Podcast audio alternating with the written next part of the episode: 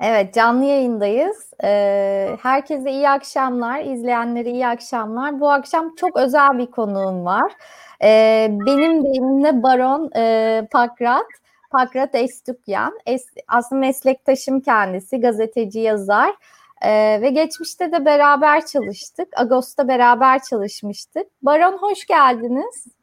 Merhaba Beril, hoş bulduk. Çok Sizi mutlu oldum program yaptığım için. Evet ben de ben de çok e, mutluluk duyuyorum sizi ağırlamaktan. E, bu akşam aslında biraz zor bir konuyu e, daha böyle şahsi bir açıdan konuşacağız sizinle. E, dört gündür devam eden e, bu Karabağ Savaşı, işte Azer, Azerbaycan bir yanda, Ermenistan bir yanda ve Türkiye hükümeti e, her zaman olduğu gibi e, Azerbaycan'a ciddi bir destek verdi. E, ve e, aslında e, her zamankinden biraz daha fazla destek verdi. Çatışmalar devam ediyor. Ölüler var, yaralılar var ve e, kısa zamanda sonlanacağı benzemiyor. E, ama burada tabii biz çatışmayı konuşmayacağız. Biz çatışmanın detaylarını, analizini, ne olduğunu, sebeplerini konuşmayacağız. Biz aslında burada e, bu tip e, hani uzun süredir devam eden bu gerginlik, Azerbaycan'la Ermenistan arasındaki gerginlik e, ve bunun Türkiye'de aslında Türkiye'de yaşayan Ermenilere yansımasını konuşacağız. E, Baron bu son çatışma e, tabii ki e, tarihini de konuşacağız ama e, bu son çatışma ve artan Ermeni düşmanlığı e, size şahsen ve Ermeni cemaatine nasıl yansıdı? Neler hissettiniz, neler yaşıyorsunuz?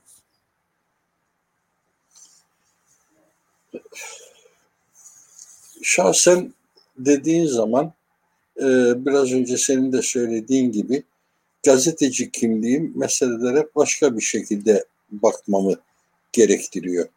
E, Ermeni kimliğim belli bir bakış açısı dayatıyor. Türkiye'li kimliğim gene öyle.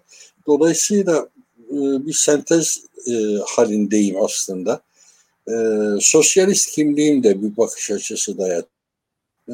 Sosyalist insanlar hümanist olmak zorundadırlar. Dolayısıyla hümanist olunca özellikle de çıkar kaygısıyla götürülen bütün savaşlara karşı durmak gerekir. Bu da benim açımdan bir ön şart, bir ön kabul. Savaşlara karşı olunca savaşlar esnasında ölen bütün askerler için acı duyman gerekir ve ben o acıyı duyuyorum şu anda. Benim için e, ölen askerler sayılardan ibaret değiller. İşte bugün şu kadar şu taraftan öldü, bu kadar bu taraftan öldü ifadeleri beni böyle e, tatmin etmiyor, sevindirmiyor, üzmüyor. Tam tersine ölen her can için çok büyük acı duyuyorum. Çünkü neredeyse yaşıt olan çocuklardan bahsediyoruz. 18'inden 19'una 20'sine kadar olan yaşlarda ölenlerin çoğunluğu her iki taraftan da. Ve bu savaş ne için? Bu savaşın sebebi ne dediğimizde çok büyük bir tablo çıkıyor ortaya. O büyük tablonun tarihçesi Sovyetler Birliği'nin dağılmasıyla başlıyor. Sovyetler Birliği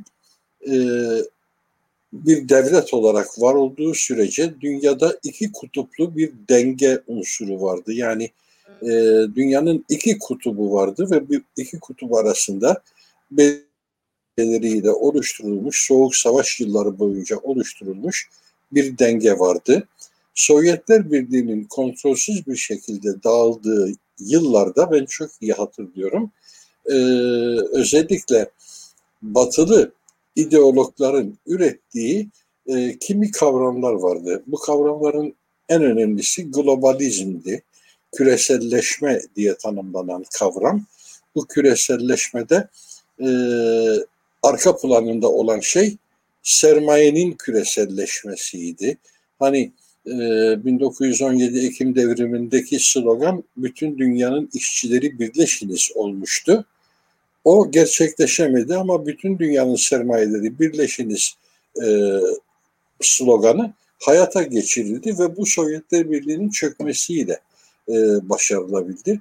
Bu çöküşten sonra o dönemin ideologları kültürler arası çatışmalar olacak, mikro milliyetçilikler artacak diye bir öngörüde bulundular. Bu bir öngörü müydü yoksa bir proje miydi? Bu tarafı tartışılır ama e, 2020 yılında dönüp geriye baktığımızda şu, şu son e, 30-40 yıllık zaman dilimine baktığımızda bunun fevkalade gerçekleşen bir şey olduğunu da görebiliyoruz son 30 yıl içerisinde. Çünkü e, hem Sovyetler Birliği'ni oluşturan cumhuriyetler kendi içlerinde savaşlara tutuştular. Hem Avrupa'da Yugoslavya dağıldı ve dağıldığı zaman o Yugoslavya'yı oluşturan e, halklar birbirleriyle savaşa tutuştular. Soykırım boyutunda dehşetler yaşandı 20. yüzyılın sonunda, son 20 yılında. Bütün bunlara tanıklık ettik ve şimdi bugün halen 2020 yılında eğer çocuklar ölüyorsa 19-20 yaşında ben çok büyük acı çekiyorum. Ee, dediğim gibi benim kimliğim birkaç unsurdan oluşuyor. Türkiye'lilik ayrı bir kimlik, Ermeni olmak ayrı bir kimlik, sosyalist olmak ayrı bir kimlik, gazeteci olmak ayrı bir kimlik ve bütün bunların sentezinde bakmak zorundayım meselelere. Türkiye açısından çok kaygı duyacağım bir zaman diliminde yaşıyorum. Çünkü e, biz daima demokrasiye inandık. ifadeye, ifadenin özgür olmasına, fikirlerin özgür olmasına, e, düşüncenin kolayca paylaşılabilmesine inandık ve şu anda bunun yasaklandığı bir dönemde yaşıyoruz. Baskı altına alındığı bir dönemde yaşıyoruz. Ayrıca çocukluğumuzdan beri gene yaşadığımız ülkenin sanki benimsediği bir siyaset olarak yurtta sulh, cihanda sulh diye bir ilke vardı. Bugün sanki bu ilke öylesine bir alt üst edildi ki e, eğer Türkiye'nin resmini çizlerseler elinde benzin bidonuyla nerede bir ateş görse oraya doğru koşan bir ülke çıkacak karşımıza. Biz nerede bir çatışma olduysa son yıldan beri özellikle bu çatışmanın içerisine bir fiil girip buradan bir fayda umman durumda olduk. Suriye'de bir e, iç savaş tutuşturuldu dış güçlerin çabasıyla. Özellikle de batılı ülkelerin çabasıyla tutuşturuldu bu. Şişirilmiş bir e, Arap Baharı'nın Suriye coğrafyasına varmasıyla birdenbire dış güçler öylesine bir müdahil oldular ki bu işlere sokak gösterisi yapmak için sokağa çıkan insanlara silah dağıttılar. Anında e, kendilerine bağlı milis orduları oluşturdular, batıya bağlı. Bunlar arasında sonra öyle bir yapılanmalar oldu ki batıyı da dehşete düşürdü. Biz ne yaptık, nasıl yaptık diye. İşte Türkiye'de o batılı ülkelerin yolundan giderek boylu boyunca savaşın içerisine girdi. Çünkü e, Türkiye'nin bir e, Kürt refleksi vardı. Suriye'nin kuzeyinde Kürtler o iç savaşta kendi e, bir anlamda güvenliklerini sağlamak için bir otonomi oluşturdular. Bu Türkiye'yi çok rahatsız etti ve o otonomiye savaş ilan etti. Şimdi e, Azerbaycan'da olan şey de öyle. Sen demin dedin ki işte ezelden beri bir Türkiye-Azerbaycan kardeşliği e, anlatılır. Buna bağlı olarak e, bu çatışma olduysa Türk devreye girdi.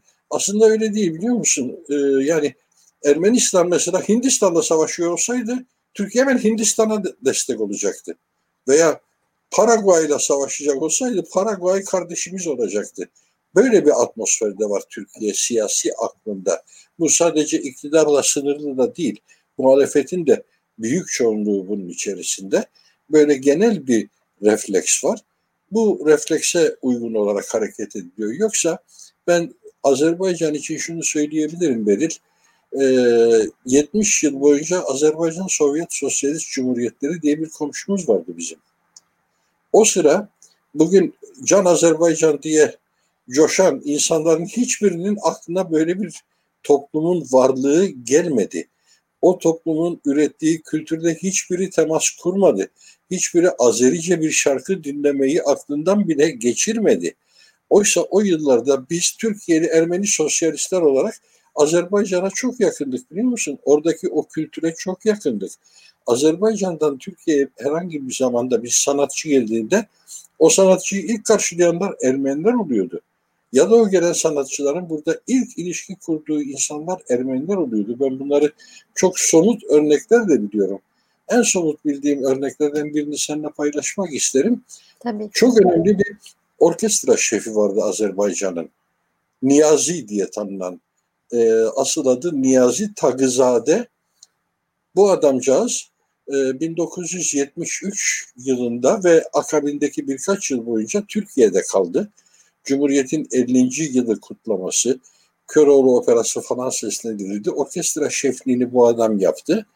Ve bu adamcağız Niyazi Takızade İstanbul'a ayak bastığı andan itibaren opera çevresinde ne kadar Ermeni sanatçı varsa hepsiyle arkadaş olabildi. Onların hepsiyle dostluklar kurabildi. Burada olduğu sürece bir sürü Ermeni dostu oldu, evlerinde misafirliğe gitti, şu oldu, bu oldu. Bunu demek istememin sebebi e, Azerbaycan kültürü e, bağımsızlık öncesine kadar yani Azerbaycan Sovyet Sosyalist Cumhuriyeti olduğu yıllarda bize çok daha yakındı. Türkiye toplumu, Türkiye'nin siyasetçileri, milliyetçileri, sağcıları, şusu, busu Azerbaycan'ı ancak bağımsız bir devlet olarak ortaya çıkıp bir de Karabağ Savaşı'nda Ermenistan'da ihtilafa düşünce fark ettiler. Oysa biz o ihtilafın çok öncesinde de bu ahbaplığı kurmuştuk. O devleti farkındaydık. Orada üretilen sanatla, kültürle bir alışveriş içerisindeydik. Önemsiyorum ben bu meseleyi. Tabii. Dolayısıyla esas, esas mesele galiba e, Azerbaycan'la yakınlığımız değil, Azerbaycan'ın Ermenistan'da olan e, çatışması. O çatışma bizi yakınlaştırıyor. O çatışma olmasa ben eminim ki bizden birçok insan diyecek ya onların Müslümanlığı bizimkine benzemiyor. Onlar rakı da içiyorlar, domuz eti de yiyorlar. Onlar zaten Şii. Meseleye böyle bakacaklar. Ama şu anda bir Ermenistan ortak düşman varsa meselede can Azerbaycan oluyor, kardeş oluyor, iki devlet bir millet oluyor, şu oluyor, bu oluyor. Bütün bunların içerisinde esas senin sorun Türkiye'li Ermeniler bu meselelere nasıl bakıyorlar? Türkiye'li Ermenilerin en büyük sıkıntısı şu. E, Türkiye bizim yurdumuz, kadim yurdumuz. Bu coğrafya bizim kadim yurdumuz. Şu anda içinde yaşadığımız şehir değilse de ülke olarak söyleyecek olursak, geçmişin Osmanlı coğrafyası, e, artık bugün de içinde yaşadığımız şehir de buna dahil olabilir. İstanbul da buna dahil olabilir. Kadim bir yurt bizim için. Ve bu kadim yurtta yabancı yerine konmak son derece yaralayıcı, son derece irite edici bir şey. Biz kendimizi hiç yabancı görmüyorken bu memlekette Sünni, Türk, Müslüman etine sahip olan insanlar kendilerini büyük çoğunluk addedip bizleri yabancı yerine koyuyorlar. Yabancı diyorlar, dışlıyorlar. Siz nereden geldiniz diye bana soruyor. Siz nereden geldiğinizin cevabı yok. Ben buradaydım abi. Sen geldin yani. Dışarıdan gelen sensin. Senin geliş tarihin belli. 1071 diye bir tarih var. Malazgirt. Şimdi hazırlanıyorsun. Onun bininci yılını kutlayacaksın. Sen gelirken ben buradaydım zaten. Benim atarım zaten buradaydı. Ben bir yerden gelmedim. Sen geldin. E, yapacak bir şey yok. Geldinse geldin. Sen savaşçı bir millettin. Savaşa savaşa geldin. İyi peki. Ben savaşçı bir millet değilim. Ben köylü bir milletim. Ben üreten bir milletim, zanaatkar bir milletim. Ben gene işime baktım. Toprağımı işledim. Taş yontacaksam taşımı yonttum. Bina yapacaksam binamı yaptım. Sen de geldin sen dedin ki bundan sonra patron benim. E peki dedim ben de sana seninle uğraşacak halim yok. Senin patronluğunda senin elindeki kılıçla e, uğraşacak halim yok. Sen dedin ki topuzumun hakkıdır iki defa vergi vereceksin. İyi peki onu da yapalım sen çünkü gavursun dedin iki defa vergi vereceksin. Ona da peki dedik. Ama sonuçta bizler bu ülkede varlığımızı bugüne kadar sürdürdük. Bugüne kadar derken aslında 100 sene öncesine kadar sürdürdük. 100 sene önce sen artık benim yapım değişti. Ben artık değilim ki içinde bir sürü halk olsun, farklı farklı inançlar, farklı farklı milletler. Ben artık beton bir şey olacağım, mermer olacağım tek unsur olacağım. Dolayısıyla ben Türk'üm. Ülkem Türkiye, herkes de Türk olacak. Ben Müslümanım, herkes de Müslüman olacak. Olmayanı ya ayıklarım ya da yıldırırım, ya keserim ya asarım dedin. Nitekim keseceğini kestin, asacağını astın.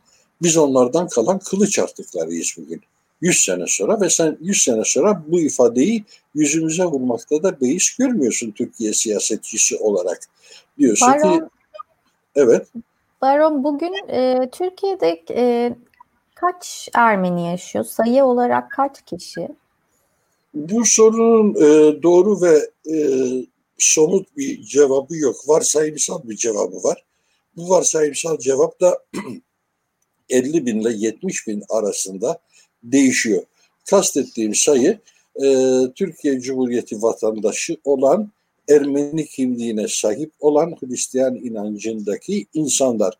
E, varsayımsal olarak 50 bin ile 70 bin arasında bir sayıdan bahsedilebilir. Ama bunlara tabii eklenmesi gereken e, bir grup daha var. Ermenistan'ın bağımsız olmasından sonra Türkiye'ye çalışmaya gelen Ermenistanlılar da var. Bunların evet. da sayısı hakkında somut ve resmi bir veri yok. Şüphesiz ki e, devletin e, birimlerinde bazı rakamlar vardır. En azından e, giriş çıkış yapanların envanteri tutulduğunda burada ne kadar Ermenistan vatandaşının giriş yapıp çıkış yapmadığı e, ortaya çıkarılabilir ama biz o bilgilere haiz değiliz. Bu da varsayımsal olarak gene birkaç on bin kadar olabilir. Bunun ee, dışında, ben ben 100 bin gibi bir rakam duymuştum ama o biraz fazla bir rakam. Hepsi sanırım. hepsi e, varsayımsal rakamlar bunların. Hiçbirinin somut verisi yok. Veriler dediğim gibi onlar açısından varsa bile bizim onlara ulaşma imkanımız yok. Hı hı. E, Türkiye'nin devlet sistematiği içerisinde e, olanakları çok geniştir. Yani hatırlıyorum yıllar önceydi. E, Türk Tarih Kurumu Başkanı Yusuf Halacoğlu demişti ki ben herkesi hane hane biliyorum. Kim e, dönme Ermeni, kim gerçek Ermeni, kaç kişidirler, hangi şehirde kaç kişidirler, hane hane hepsini biliyorum. Bunu derken muhtemelen elinde bir veri vardı, bir devlet hı hı. kaynağı vardı ama bizim bu verilerden doğal olarak haberimiz yok. Yani bilmemiz de mümkün değil. Çok önemli de değil fakat eklemek istediğim bir üçüncü grup vardı. Ee, Türkiye'de Müslümanlaşmış ama Ermeni e, aidiyetini veya kimliği etmemiş olan şekilsel olarak Müslümanlaştığı halde kendisini Ermeni hisseden bir nüfus da var. Bunların sayısı hakkında da fikir sahibi değiliz. Bunlar hem e, büyük şehirlerde var hem de Türkiye'nin daha çok Kürt nüfusun yoğun yaşadığı şehirlerde de bu insanlar var. Ve bu insanlar biraz özgürlük ortamı bedirince ortaya çıkabiliyorlar. Diyorlar ki biz aslında Ermeniyiz. Nüfus cüzdanımızda İslam yazıyor ama İslamlığı hiç yaşamadık biz. Kökenimiz Ermenidir. Ee, ama bunu bugüne kadar da deklare etme cesaretimiz olmadı, gerek de olmadı. Çünkü bunu deklare edersek işimizi kaybederiz, memuriyetimizi kaybederiz, bu tür mağduriyetler yaşayabiliriz diyen e, ciddi sayıda bir insan da var. Bunların sayısı hı hı. hakkında da bizim somut fikrimiz yok ama Türkiye'de üç grup Ermeni olduğunu söyleyebiliriz. Birinci grup benim de içinde olduğum, kimliğinde Ermeni yazan, Ermenice ismi olan, Ermeni okuluna giden, Ermeni kilisesinde düğünü veya cenazesi icra edilen insanlar, vaftiz edilen insanlar. Öbürleri dediğim gibi Ermenistan vatandaşları buraya bir turist vizesiyle gelip burada yıllarca çalışan, kaçak konumuna düşmüş olan insanlar var. Ve bir de üçüncü grup. Sayılar için bunu söyleyebilirim. Peki Baron, e, bu anlattığınız süreç işte e, konunun sivrileşmesi, bir Ermeni düşmanlığı üzerinden şekillenmesi, dediğim gibi yani bu zaman zaman e, yükselen işte hocalı katliamı anmalarında da yükselen bir durum. E, işte Ermeni soykırımı ile ilgili yapılan her türlü işte protestoda vesaire de karşı taraf hep böyle işte hocalı pankartlarıyla gelir ve işte e, şey yapar, e, işte karşı durur, e, bir gerginlik yaratır. E, yani bu bu gerilimler, zaman zaman işte yükselen tansiyonlar, şimdi işte sıcak çatışmanın yaşanması, Ermeni düşmanlığının artması size e, nasıl hissettiriyor? Yani biraz önce biraz konuştuk. Hani siz zaten buralısınız. Burası sizin e, memleketiniz. E, siz hep buradaydınız ama yani işte zaman zaman bu dozun artması, size gelip insanların bu bu tip iddialarda bulunması, bu tip şeyler söylemesi, işte e, bu siz, sen nereden geldin, sen nerelisin diye sorması. Bunlar nasıl hissettiriyor size? Bunlar kötü hissettiriyor ve biliyor musun böyle bu soruların iki odağı var. Bir yandan Türkiye'de kendisini Türk, Sünni ve Müslüman diye tanımlayanlar bu soruları soruyorken bir yandan da kendisini Ermeni olarak tanımlayan ve artık yurt dışında yaşayan birçok soydaşımız, akrabamız, arkadaşımız diyebileceğim insan eskiden Türkiye kaynaklı olan halen ne işiniz var o memlekette gibi bir soru da sorabiliyor bize. Hmm. Siz niye çıkmıyorsunuz o memleketten kardeşim diyor. Bunu derken kendi çıkmış olmasını da haklı gösterecek bir e, psikoloji içerisinde. Onu ben hissediyorum aslında. Peki hani, gerçekten Baron yani zor bir ortam, hani zor bir durum. Yani çeşitli e, yıllar içinde çeşitli gerginlikler oldu işte ne bileyim Asas'ından tutun işte Azerbaycan'ından tutun bilmem ne hep bir tansiyon yükseldi. Siz niye, niye hala e, kalıyorsunuz? Niye burada kalmak istiyorsunuz? En başta söyledim ya evim burada. Evim burada. Yani e, biliyor musun son 100 yıldan beri Ermenilerin büyük çoğunluğu annesiyle, babasıyla veya dedesiyle veya nenesiyle aynı mezarlıkta yaşayamıyor. Hmm. Dedesi başka bir şehirde gömülü. Babası, annesi başka bir şehirde gömülü. Kendisi eğer şimdi hayattaysa o da başka bir şehirde gömülecek ve muhtemeldir ki onun çocukları da daha başka bir şehirde. Oysa ben e, dedelerimin, annemin, babamın, e, nenelerimin gömüldüğü mezarlığa gömülmeyi bir nimet sayacağım. Burası benim memleketim. Eğreti olmak istemiyorum. Burada bir köklerim var. Burada bir evet köklerim var. O köklerle beslenmişim. Bana bırakılmış bir e, tarih var burada. Biliyorsun İstanbul'da şu anda 17 tane Ermeni okulu var. 33 tane Ermeni kilisesi var. Ee, bir hastane var. Hatta iki hastane var. Ben bütün bunları bırakıp, üç tane gazete var. Bütün bunları bırakıp kime bırakayım da gideyim? Bir patrikhane var. 580 yıllık bir kurum. Bütün bunları kime bırakıp gideyim? Bana kadar gelmiş bunlar. Birileri taşı taşın üstüne koymuş, bir şey daha yapmış, bir eser daha yapmış ve gelmişiz bugüne. Ben bugün diyeyim ki artık yok o kadarı fazla ben gidiyorum. Bundan sonra Almanya'da yaşayacağım veya Fransa'da veya Amerika'da veya Avustralya'da. Hayır, bunu, bunu sormamın bunu sormamın bir sebebi de Baron aslında şey hani sadece Ermeniler açısından değil. Siz de çok iyi biliyorsunuz ki özellikle genç nüfus Türkiye'de e, Türkiye'den memnun değil. Yani başka batılı bir ülkede çok daha mutlu olacağını düşünüyor ve ciddi anlamda bir göç var. Özellikle eğitimli kesimin göçü, beyin göçü dediğimiz bir şey var ve insanlar e, buldukları ilk işte ilk fırsatta ülkeden ayrılıyorlar. Hani sizin durumunuz aslında bunun daha da katmerlenmiş hali. O Doğru o açıdan da soruyorum. Yani sırf sizin açınızdan değil. Yani bu ülkede işte iyi eğitimli, e, nispeten daha seküler bir hayat yaşayan, insanlar e, beklentileriyle ülke gerçekleri uymadığı için ülkeyi terk etmeyi tercih ediyorlar. O yüzden aslında ülkede kalmak yani e, aslında daha büyük bir karar. Ülkeyi terk etmekten daha büyük bir karar. Doğrusun, doğrusun. Ben de şu anda buna çok yakından tanıklık ediyorum. Bir yandan gençlerin, Türkiye'li gençlerin, Ermeni olmayan gençlerin Örneğin Kanada'ya nasıl büyük bir ilgiyle koştuklarını gözlemliyorum.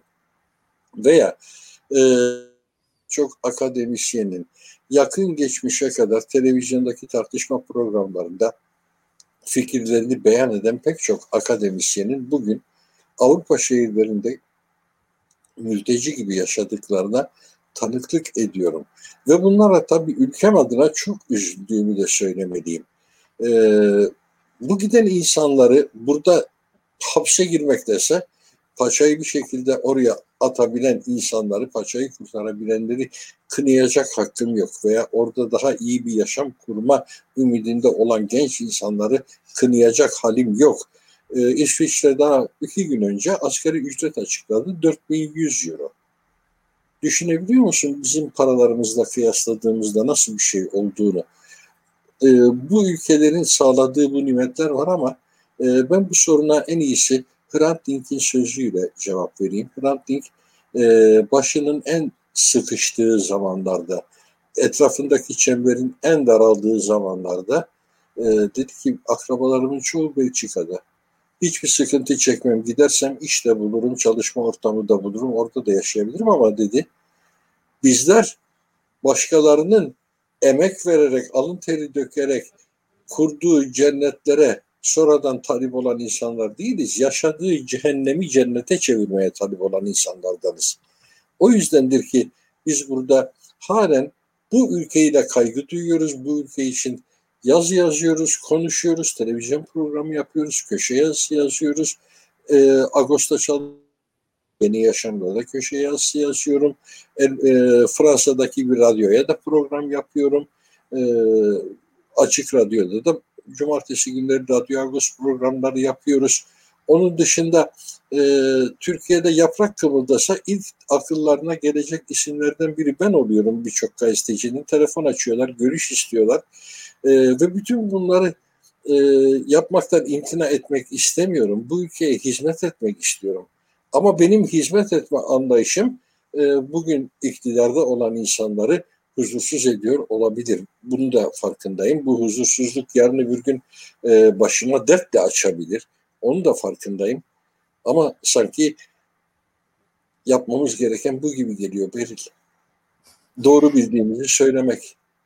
Peki Baron, cemaat nasıl etkileniyor bu durumlardan? Yani bir şey değişiyor mu hayatlarında? Ne yapıyorlar? Nasıl başa çıkıyorlar ya da belki öyle konuşmak lazım. Yani e, nasıl etkileniyorlar? Özellikle bu artan tansiyon, hele ki son işte bu sıcak çatışma e, nasıl nasıl başa çıkıyorlar? Öncelikle şunu söyleyeyim. Doğal olarak bütün toplumlarda olduğu gibi Türkiye'li Ermeni toplumunda da herkesin politik insanlar olmadığını tahmin etmek zor değil. Ee, büyük bir çoğunluk doğal olarak apolitik, kendi günlük çabalarında, günlük telaşlarında, günlük yaşam mücadelelerinde, e, emek mücadelelerinde böyle bir çoğunluk var. Bu çoğunluk genellikle bu tür şeyleri hep baş ağrıtıcı, e, can sıkıcı gelişmeler olarak görüyor. E, hiç olmasa çok daha iyi olur ama e, oluyorsa aman bana bulaşmasın, aman benden uzak olsun kaygısı içerisinde. Fakat bilinçaltına işlemiş bir sürü örnekten de yola çıkarak bu işlerin eninde sonunda bir şekilde kendisine bulaşma potansiyelini de farkında. Hani Türkçe'de de bir deyim vardır ya, e, filler tepişir, ezilen çimler olur. Yani Ermeni toplumunda kendisinin burada çimenler olduğunu, ve tepişmenin, fillerin tepişmesinin kendisine zarar vereceğini pek çok örnekten biriktirdiği bir içgüdüyle biliyor. Bir ön seziyle bunu biliyor. O yüzden de fevkalade huzursuz oluyor. Ee, Ermeniler arasında en çok tanık olduğum sözlerden biriydi. Belli bir yaşın üstündekiler. Aman aman biz buradan gidemeyiz, ayrılamayız ama bari çocuklar gitsin kendini kurtarsın. Bari çocuklar gitsin kendini kurtarsın. Ben şuna çok üzülüyorum beni. Ee, İstanbul'da Ermeni yaşlıların, yalnız kalmış olan yaşlıların sığındıkları bazı ihtiyarhaneler, huzur evlileri, yaşlılar evi gibi yapılar var. Buradaki insanların hepsinin çoluk çocuğu var ama hepsi gurbette. Ve onların hasretiyle yanıp tutuşuyorlar. Bu beni çok üzüyor. O insanlar gitmemiş olsalardı, Türkiye'de kalmış olsalardı emin ol ki bugün benim sesim biraz daha gür çıkardı. Ben biraz daha onlardan da destek alırdım ya da onlar hı hı. benden destek alırlardı. Ee, bu azalma çok ciddi bir kan kaybı bir toplum için ve biz toplum olarak bunu yaşadık. Şimdi gene yaşayacağızın kaygısını da taşıyorum içerimde. Çünkü insanlar sonuçta güvende hissetmedikleri zaman bir başka yere gidebiliyorlar ve başka yer her zaman da ütopik olarak çok mutlu olacakları bir yer anlamına gelmiyor. Bugün dedik ya İsviçre'de asgari ücret 4100 euro ama yıllarca İsviçre'de yaşadıktan sonra Türkiye'ye geri dönen insanlar tanıyorum. Benim yaşıtım insanlar. Yani bu kadar sene bu e, mahrumiyetleri çektik artık memlekete dönelim deyip e, Türkiye'ye dönen insanlar tanıyorum. Çünkü e, buradan gidenlerin de büyük bir çoğunluğu eğer bir servetle gitmiyorlarsa tabii serveti olanlar için sözüm yok. Onlar için onlar e, kriter dışı, ölçü dışı. O nereye olsa gidebilir, ne yaparsa yapar. Ama serveti olmayan, kıtka rahat çalışmasıyla geçinecek olanların hiçbirinin e, maddi durumu ve o maddi duruma bağlı olarak da yaşam düzeyi Türkiye'deki halinden daha fazla değil. Bu sefer de insanlar 30 sene sonra geriye dönüp bakıyorlar. Ben bugün 67 yaşındayım.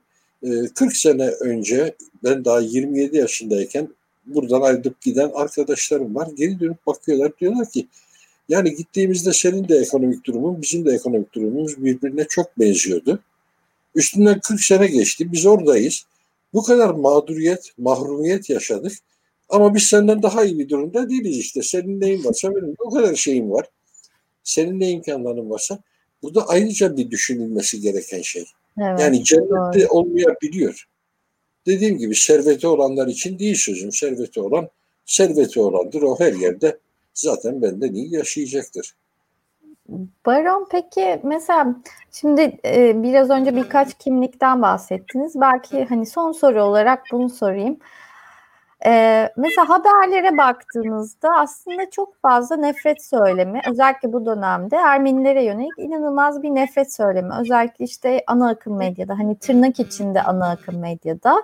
E, sosyal medyada aynı şekilde. E, sosyal medya aslında yeni bir şey hayatımıza son yıllarda giren bir şey. Ama orada da inanılmaz nefret söylemleri e, bunlar çok yaygınlaşıyor paylaşılıyor. Yanlış bilgiler ee, özellikle çatışma anlarında nefretle körüklenen yanlış bilgiler çok yayılıyor. Ee, ilk sorum siz hani bir yandan da gazetecisiniz. Sonuçta okumak zorundasınız o haberleri. Ee, o haberleri okurken ne hissediyorsunuz? Yani sonuçta aslında doğrudan size neredeyse hakaret eden haberler okumak durumunda kalıyorsunuz. Nasıl hissediyorsunuz? Ee, ikincisi de e, bu sosyal medyadaki nefret söylemleri ve bunların işte çok yayılması, artması, yanlış bilgilerin çok yayılması. E, bu aslında hani Türkiye'deki Ermeni toplumunu e, genel olarak nasıl etkiledi? Daha fazla mı etkilemeye başladı? Eski eskiden çünkü hani sadece bildiğimiz basındaydı. Artık aynı zamanda sosyal medyada. Ee, bir de bunu sormak istiyorum aslında. Evet e, doğru yaptın. Ana akım ifade ettiğini belirterek. Çünkü e, artık böyle bir medya yok. Ana akım diye bir kavram yok. Ama iktidara endekslenmiş, iktidara yedeklenmiş bir medyadan bahsedebiliriz. Bu da Türkiye'deki kitle iletişim araçlarının büyük bir çoğunluğunu ifade ediyor. Hem en çok izlenen televizyon kanalları hem de e, eski sayılarıyla kıyaslanmasa bile daha görünür olan gazeteler. Bilinen gazete gibi, Milliyet gibi, Sabah gibi geçmişte daha büyük tirajlar olan o yüzden de ana akım diye halen anılan ama bugün içeriği boşaldığı için kimsenin ilgisini çekmeyen gazeteler. Ee, bütün bunlar tabii ki nefret söylemini sürekli üreten unsurlar. Daha yeni yeni Hrant Dink Vakfı Türkiye'de medyada nefret söylemi açıkladı. Ee, vakıf hem ulusal ölçekteki bütün gazeteleri hem de 500 kadar yerel gazeteyi hafta içinin bütün günlerinde tarıyor. Olsun haber yazımlarında, olsun köşe yazılarında nefret söylemi kapsamına giren ifadeleri e, örnekliyor, dosyalıyor. Sonra da bunları bir rapor hı hı. halinde yayınlıyor. Ortalama 17 nefret söylemi taranıyor bu e, yazılardan. 80 farklı e, etnik veya dinsel gruba yönelik olarak e, her gün en az ortalama 17 e, nefret söylemi ile karşılaşılıyor. Bu bir siyasi tutum aslında. Bu bir siyasi duruş ve bu siyasi Baron duruş... orada bir şey eklemek istiyorum. O raporda da tabii ki en tepede çıkan Ermeniler oluyor. En evet, fazla nefret söylemi hedefi evet, hedefinde olan Ermeniler oluyor. Bir de bir izleyicimiz sormuş Baron ne demek diye. Yani baron e, Ermenice aslında e, büyüklere e, kullanılan bir nevi işte üstad gibi, efendi gibi bir ifade yani büyüklere işte Bay baron gibi, Hrant. Bay gibi. Baron evet, Hrant, Baron Pakrat e, diye. Ben de e, Baron Pakrat'ı uzun yıllardır hep baron dediğim için hiç değiştirmiyorum. Aynen devam ediyorum. Açıklamayı unutuyorum ama öyle onu da açıklamış olalım. Pardon sözünüzü kestim. Yok rica ederim, rica ederim. Şimdi bu e, nefret söylemleri biliyor musun bizim e, Ermenilere yönelik ya da etnik azınlıklara yönelik nefret söyleme, söylemleri bir cumhuriyet arızası. Biraz önce konuşurken dedim ya e, üniter devlet e, inşa etmeye kalktık ve o e, Sünni, Türk, Müslüman e, kalıbının dışında kalan Hanefi e, kalıbının dışında kalan herkesi yabancı yerine koyduk. Oradan başlayan bir nefret yoksa Türkiye toplumunun tarihsel geçmişinde bir Ermeni nefretinden bahsetmek hiç de mümkün değil. Hiç mümkün değil. Hani Osmanlı İmparatorluğu yıllarında Ermeniler bir nefret objesi değillerdi e, Ermeniler olmadığı gibi Türkiye'nin diğer halkları da değildi. Belki genel nefret objesi haline getirilen kimi gruplar vardı. Mesela Çingeneleri bunlardan sayabiliriz. Mesela e, Yahudileri nispeten bunlardan sayabiliriz. Dinsel farklılıklarından ötürü. Ama ne Rumlar, ne Ermeniler, ne Arnavutlar, ne e, Boşnaklar, Bulgarlar, şunlar bunlar bunların hepsi özellikle İstanbul şehrinde hepsi bulunuyorlardı ve e, bunların varlığı kimseye yadırgayıcı gelmiyordu. Şimdi ise bunlar yabancı olarak görüldükleri için bunun burada ne işi var gibi bir yaklaşımla bakılıyor insanlara. Yani bu bir e, cumhuriyetin falsosu, cumhuriyetin defosu. Üniter devlet oluşturmanın, e, tek bir etnisite üzerine inşa edilen milli devlet oluşturmanın e, getirdiği açmazlar. Tarihimizde Böyle bir nefret yoktu.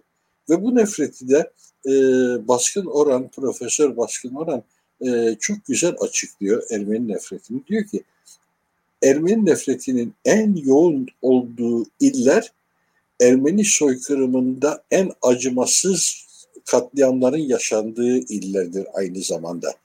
Yani bunun arka planında bir de böyle bir bilinçaltı meselesi var hani insanlar bu topluma karşı büyük bir suç işlendi 100 yıl önce, 105 yıl önce ve e, o suçu mazur görmenin tek yolu kurbanları şeytanlaştırmak. Yapılanı haklı çıkarmak zorunda. Hiç kimse bugün de iktidardakiler de mesela Cumhurbaşkanı Erdoğan da ben atalarıma soykırımcı dedirtmem diyor. Çünkü soykırım ağır bir suçtur, ağır bir fiildir ve bu fiille tanımlanmak istemiyorlar. E, böyle bir gerçeklik de var. O zaman kurbanları şeytanlaştırmak en pratik yol olarak görülüyor. Bizler dediğim gibi Türkiye'de yaşayanlar bunu hissediyoruz ama bir kez daha aynı şeyi söyleyeceğim Beril. Burası evimiz ne yapalım? Çok teşekkür ederim Baron. Ee, benim başka bir sorum yok aslında. Sizin e, başka eklemek istediğiniz bir şey var mı? Var. Biz Türkiye'nin aydınlık geleceğine, bu sefer bir sosyalist olarak söylüyorum bunu. Türkiye'nin aydınlık geleceğine hep inandık. Ee, biz Türkiye insanının bugün yanlış şartlandırmalarla, yanlış eğitimlerle kafası ne kadar da karışık olursa olsun, e, özgün potansiyelinin bundan çok daha iyisine layık olduğuna da inanıyoruz. Ve mutlaka e, genel insanlık ailesi içerisinde onurla kendi yerini alabilecek bir Türkiye'nin de inşa edilebileceğine her zaman inandık, bugün de inanıyoruz. Bugün hak ettiğimiz yerde değiliz. Biraz önce tanımladığım nerede bir kıvılcım çıksa benzin alıp üstüne koşan devlet benim devletim olamaz. Benim istediğim devlet bu değil. Tam tersine benim istediğim devlet işte o yurtta sulh, cihanda sulhla ifadesini bulan, her şeyi müzakereyle çözmeye çalışan bir devlet olmalı ve biz bu devletin inşa edilmesi için e, bugüne kadar e, elimizden ne geliyorsa, dilimiz ne kadar dönüyorsa bunu söylemeye çalıştık. Gene de bu uğurda devam etmek istiyoruz. Ben de sana teşekkür ederim bu sohbet için. Dediğim gibi programda seni görmek, seninle sohbet etmek iyi geldi bana da. Çok teşekkür ederim Baron. Ee, bu akşam e, konuğum Baron Pakrates Tukyan'dı. Gazeteci ve yazar. Ee, birçoğunuzun bildiğine eminim kendisini. Ee, benim de meslektaşım. Daha önce beraber de çalıştık. Türkiye'de Ermenilerin karşılaştıkları nefret söylemleri, ayrımcılık e, üzerine konuştuk. Bunun medya medya yansıması, sosyal medya yansıması üzerine konuştuk. Şahsen ne hissettiğini, nasıl deneyimlediğini konuştuk. Göçü konuştuk. Ee, aslında bir konu üzerinden Türkiye'de konuşulması gereken pek çok şeye ucundan değindik. Ee, Baron çok teşekkür ederim bize zaman ayırdığınız için. Ee, çok zevkliydi, çok güzeldi. Ben de katılıyorum size. Bence de hak ettiğimiz yerde değiliz. Ee, burada olmayı bence de hak etmiyoruz. Daha iyi bir yerde olmayı hak ediyoruz. Ee, size tekrar çok teşekkür ederim. Sağ ol Berit. Ben de teşekkür ederim. ee, izleyenlere de çok teşekkür ederim. Ee, haftaya yine görüşürüz. Herkese iyi akşamlar.